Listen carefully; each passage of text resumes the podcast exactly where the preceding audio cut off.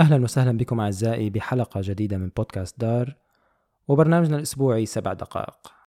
كما العادة يمكن متابعة الحلقات على برامج البودكاست المختلفة سبوتيفاي وكل من جوجل وأبل بودكاست طبعا بالإضافة لموقع يوتيوب. يكفي كتابة بودكاست دار للوصول مباشرة للحلقات.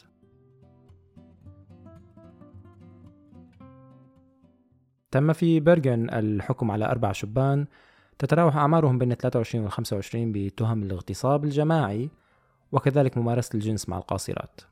الشباب آه، ستتراوح فترة عقوبتهم بين السنة والخمس سنوات ونصف.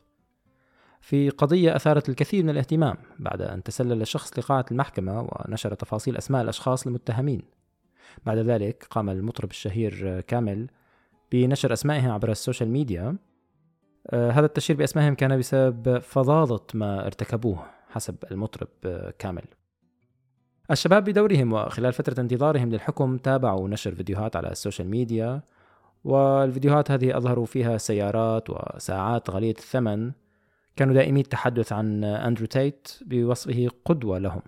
طبعا أندرو تيت هو ملاكم آه، kickboxer أمريكي بريطاني يشتهر بمعاداته للنسوية اشتهر كثيرا في فيديوهات يوتيوب مختلفة آه، متهم تيت بقضية بقضايا كثيرة منها الإتجار بالبشر وهو تحت الإقامة الجبرية في رومانيا. لكن بالعودة لقضية بيرغن فقد تم وبسبب التشهير بأسماء المتهمين آه، تخفيف الحكم بنسبة 10% لكل منهم. القضية اكتسبت اهتمام تاريخي ونالت لقب أول محاكمة في النرويج تجري عبر التيك توك. القضية من المتوقع أن تغير نمط الحراسة في قاعات المحاكم بغية تجنب حدوث أمور مماثلة في المستقبل.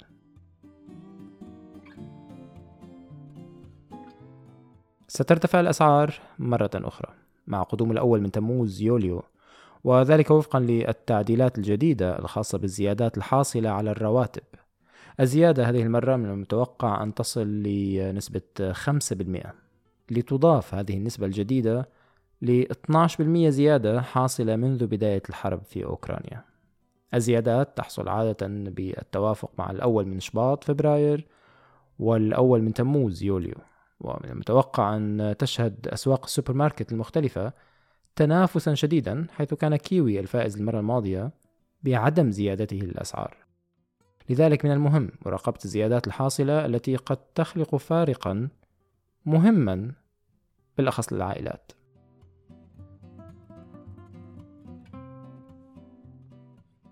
وقع الملك النرويجي هارالد خلال زيارته للدنمارك برفقة عقيلته سونيا للقاء الملكة الدنماركية مارغريت.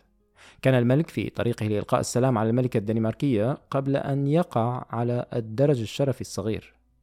الملك وقف مباشرة بعد ذلك بمساعدة الحرس ولكن وقوع الرجل صاحب ال 86 عام يضيف للمخاوف العديدة حول صحته مؤخرا حيث أخذ الكثير من الإجازات المرضية خلال عام 2023 وسط تصريحات من الأطباء بأن حالته الصحية في استياء مستمر وشديد بالفترة الأخيرة.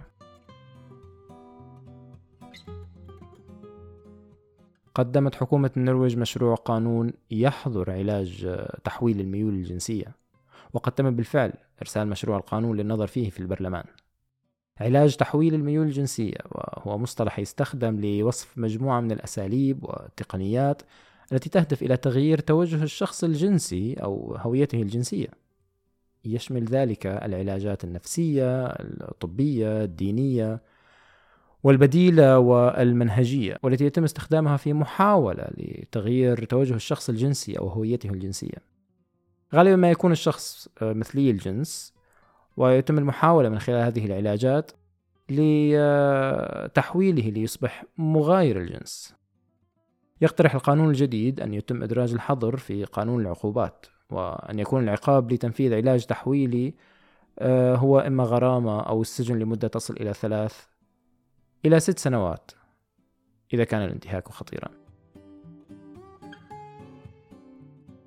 كان هذا كل شيء لحلقة هذا الأسبوع. كما العادة يمكن قراءة تفاصيل الأخبار بتتبع الروابط الموجودة في وصف الحلقة. كانت هذه الحلقة من إعداد أسامة شاهين. قراءة وإخراج محدثكم أشهم علواني. لنا لقاء آخر.